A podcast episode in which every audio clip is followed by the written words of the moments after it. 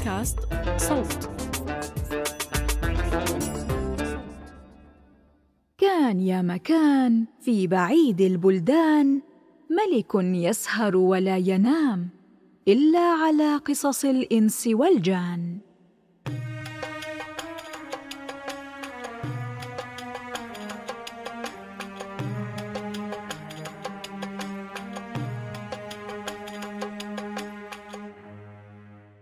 وبلغني أيها الملك السعيد أنه كان في بغداد بيت بعيد تعيش فيه ثلاث فتيات وفي ليلة من الليالي طرق بابهن ستة رجال ثلاثة منهم أعاجم عور بالعين الشمال طلبوا المبيت لما اشتد عليهم الحال وثلاثة هم الخليفة ووزيره وحاجبه. متنكرين بزي التجار مروا صدفة بجانب الدار.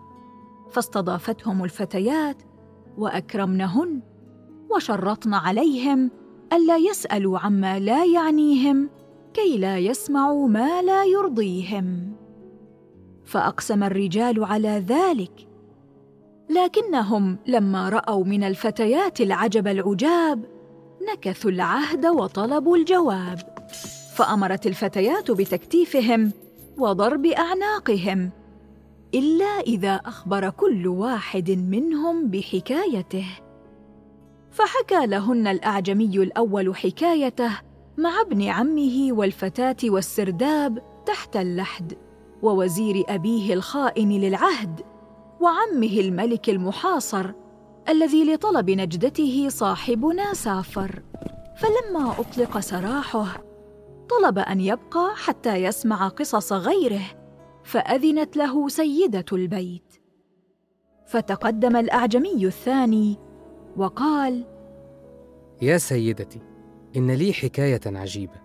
لو كتبت بالإبر على أماق البصر لكانت عبرة لمن اعتبر. فأنا ملك ابن ملك وقرأت القرآن على سبع روايات وقرأت الكتب من مشايخ العلم حتى فقت أهل زماني. فعظم حظي وشأني. وشاع خبري عند سائر الملوك وأولي السلطان. فسمع بي ملك الهند فأرسل يطلبني. فجهزني أبي في ستة مراكب وسرنا في البحر مدة شهر كامل حتى وصلنا إلى البر وحملنا عشرة جمال هدايا للملك ومشينا قليلا.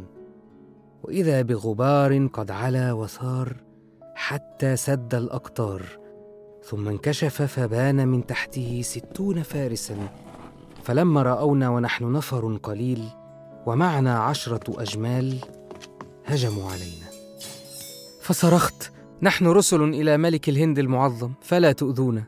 فقالوا نحن لسنا في أرضه ولا تحت حكمه. ثم إنهم قتلوا بعض الغلمان وهرب الباقون وهربت أنا بعد أن جرحت جرحا بليغا. وسرت إلى أن وصلت إلى مدينة عامرة بالخير فدخلت المدينة ولم أكن أعرفها. فدخلت إلى خياط في دكانه وسلمت عليه فأخبرته بما جرى لي. فحذرني الا أخبر أحدا بأمري لأن ملك مدينتهم عدو لأبي وله عليه ثأر قديم. ثم نصحني أن أعمل حطابا كي لا يلاحظني الناس حتى يفتح الله علي. ففعلت. ثم بعد السنة ذهبت يوما على عادتي إلى البرية لأحتطب منها فوجدت فيها مجموعة أشجار فيها حطب كثير وأتيت شجرة عظيمة بينها وحفرت حولها كي أحطبها وأزلت التراب عن جذورها وبدأت أضرب قاعدة الشجرة فاصطدمت الفأس بحلقة نحاس فنظفت التراب وإذا هي في باب من خشب.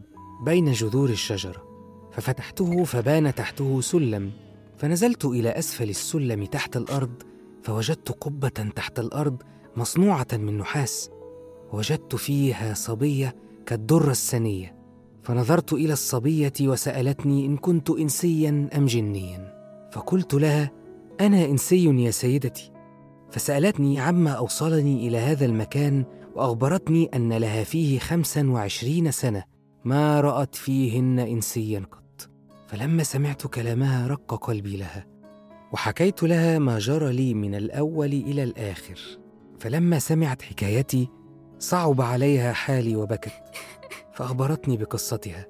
وهي بنت ملك أقصى الهند صاحب جزر الأبانوس الخارجية وكان قد زوجها بابن عمها. فاختطفها ليلة زفافها عفريت لعين فطار بها إلى هذا المكان وجعل لها فيه كل متطلبات الحياة. وفي كل عشرة أيام يجيئها مرة فيبيت عندها ويطلب منها خدمته وتسليته. فشبت النار بقلبي وعزمت أمري وأقسمت لها أن أعود لها بالنجدة. ثم خرجت من عندها لكنني نسيت فأسي لديها وحزامي. عدت إلى المدينة وذهبت إلى صاحب الخياط وأخبرته بما جرى. فأشار علي أن نبحث عن شيخ خبير بأمور الجن والعفاريت كي يعيننا في إنقاذ الصبيه ثم خرج. ثم بعد وهلة عاد وأخبرني أن في الدكان شخصا اعجميا يطلبني ومعه فأسي وحزامي. قد جاء بهما إلى الخياطين يسأل عن صاحبهما فدله الخياطون. فلما سمع الأعجمي هذا الكلام اصفر لونه. وتغير حاله وبينما هو كذلك وإذا بأرض تحته قد انشقت ظهر منها رجل أعجمي غريب وإذا هو العفريت. ضربه العفريت ضربة أتلف بها عينه ثم اختطفه وطار به ونزل به وغاص في الأرض والأعجمي لا يعلم بنفسه ثم طلع به وطار به إلى الجو حتى نظر الأعجمي لأسفل فبدت له الدنيا كأنها قصعة ماء ثم حطه على جبل وأخذ قليلا من التراب حثاه عليه. وتكلم وقال أخرج من هذه الصورة إلى صورة قرد. ولما زال عني الرعب وفرغت من البكاء على حالي انحدرت من أعلى الجبل إلى أسفله. وأنا على شكل قرد ثم مشيت مدة شهر حتى وصلت إلى شاطئ البحر المالح. هناك وجدت مركبا في وسط البحر قد طاب ريحه وهو قاصد البر. فاختفيت خلف صخرة على جانب البحر وسرت إلى أن أتيت وسط المركب. ولما رآه عمال المركب جزعوا وأرادوا قتله فتقدم إليهم أحدهم بسيفه فأمسك الأعجمي طرف السيف وبكى حتى سالت دموعه. فحن عليه الريس وقال لهم إن القرد استجار به وقد أجاره وهو في جواره. وصار الريس يحسن إلى صاحبنا. وكلما تكلم الريس فهمه صاحبنا الأعجمي وقضى حوائجه وخدمه في المركب. طابت للمركب الريح مدة خمسين يوما فرسونا على مدينة عظيمة. وساعة وصولنا جاءنا حراس من طرف ملك المدينة فنزلوا المركب. وقالوا إن الملك يهنئكم بالسلامة وقد أرسل إليكم هذا الورق وأمر كل واحد أن يكتب فيه سطرا يعرف فيه عن نفسه.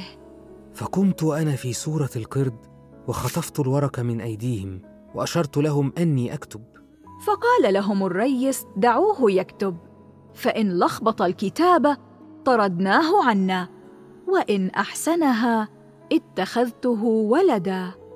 ثم أخذت القلم واستمددت الحبر وكتبت بخط الرقعة هذا الشعر لقد كتب الدهر فضل الكرام وفضلك للآن لا يحسب. فلا أيتم الله منك الورى لأنك للفضل نعم الأب. ثم ناولتهم ذلك الورق فطلعوا به إلى الملك. فلما تأمل الملك ما في ذلك الورق أعجبه خط صاحبنا. فقال لأصحابه ائتوني بصاحب هذا الخط وأحضروه بين يدي. فلما سمعوا كلام الملك أخبروه أن الذي كتب هذا الخط قرد. وليس ادميا. فتعجب الملك من كلامهم واهتز من الطرب وقال أريد أن أشتري هذا القرد. فصاروا إلى المركب وأخذوني من الريس. فلما طلعوا بي للملك ورأيته قبلت الأرض بين يديه. فأمرني بالجلوس فجلست على ركبتي. فتعجب الحاضرون من أدبي. ثم إن الملك أمر الخلق بالانصراف فانصرفوا. ولم يبق إلا الحاجب وخادم صغير وأنا. ثم أمر الملك بطعام فقدموا سفرة طعام فيها ما تشتهي الأنفس. فأشار إلي الملك أن آكل. فقمت وقبلت الأرض بين يديه سبع مرات. وجلست آكل معه. ولما رفعت السفرة ذهبت فغسلت يدي. وأخذت القلم والقرطاس وكتبت هذين البيتين. في أكلة الضان ترياق من العلل. يتلوه حلو يوافي منتهى أملي. يا لهفة الروح من مد الصواني إذا طلت كنافتها بالسمن والعسل. ثم قمت وجلست بعيدا فنظر الملك إلى ما كتبته وقرأه فتعجب. ثم قدم للملك شطرنج. فأمرني الملك فتقدمت وصففت الشطرنج ولعبت معه مرتين فغلبته. فحار عقل الملك. ثم قال الملك للحاجب اذهب إلى سيدتك وقل لها إن أباك يريدك حتى تجيء فتتفرج على هذا القرد العجيب. فذهب الحاجب وعاد ومعه سيدته بنت الملك فلما نظرت إلي غطت وجهها. يا أبي كيف طاب على خاطرك أن ترسل إلي فيران الرجال الأجانب؟ فقال الملك ما عندك سوى الخادم الصغير؟ والحاجب الذي رباك وهذا القرد وأنا أبوك فممن تغطين وجهك؟ إن هذا القرد أمير بن ملك واسم أبيه إيمار صاحب جزر الأبنوس الداخلية وهو مسحور وسحره العفريت جرجريس لأنه رأى رهينته الأميرة بنت ملك أقناموس ملك جزر الأبنوس الخارجية وهذا الذي تزعم أنه قرد إنما هو رجل عالم عاقل. فتعجب الملك من ابنته ونظر إلي يسألني فأومأت له برأسي. نعم. فقال الملك لابنته من أين عرفت أنه مسحور؟ يا أبتي كان عندي وأنا صغيرة عجوز ماكرة ساحرة علمتني السحر وقد حفظته وأتقنته وعرفت مئة وسبعين بابا من أبوابه.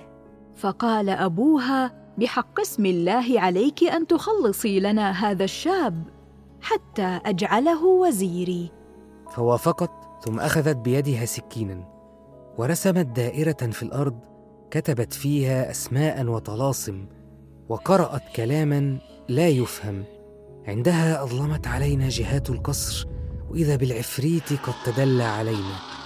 فزعنا منه لا أهلا بك ولا سهلا. فغضب العفريت ثم انقلب اسدا وفتح فمه وهجم على الصبيه فأسرعت وأخذت شعرة من شعرها بيدها وهمهمت بشفتيها فصارت الشعرة سيفا ماضيا وضربت ذلك الأسد فقطعته نصفين فصارت رأسه عقربا وانقلبت الصبية حية عظيمة وهمهمت على هذا اللعين وهو في صفة عقرب فتقاتلا قتالا شديدا. ثم انقلب العقرب عقابا فانقلبت الحية نسرا وطارت وراء العقاب.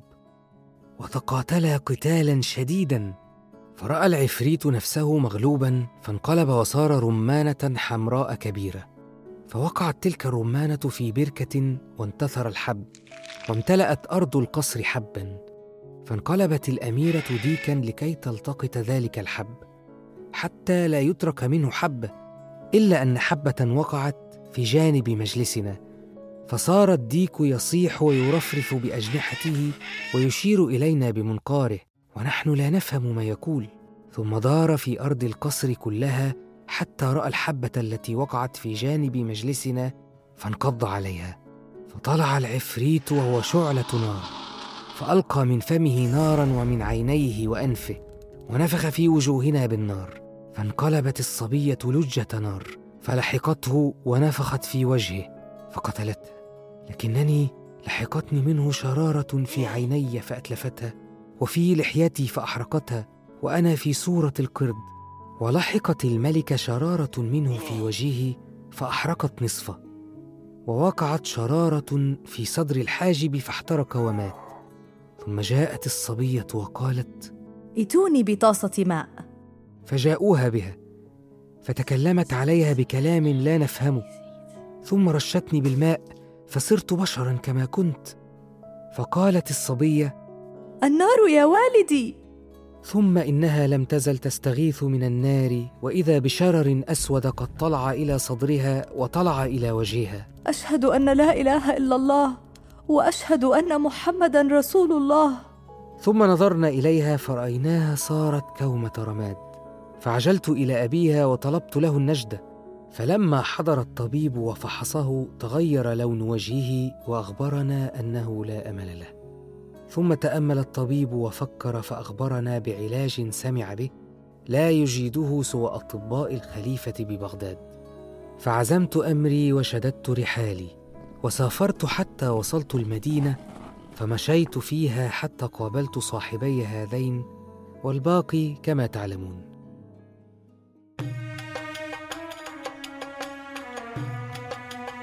وأدرك شهرزاد الصباح فسكتت عن الكلام المباح.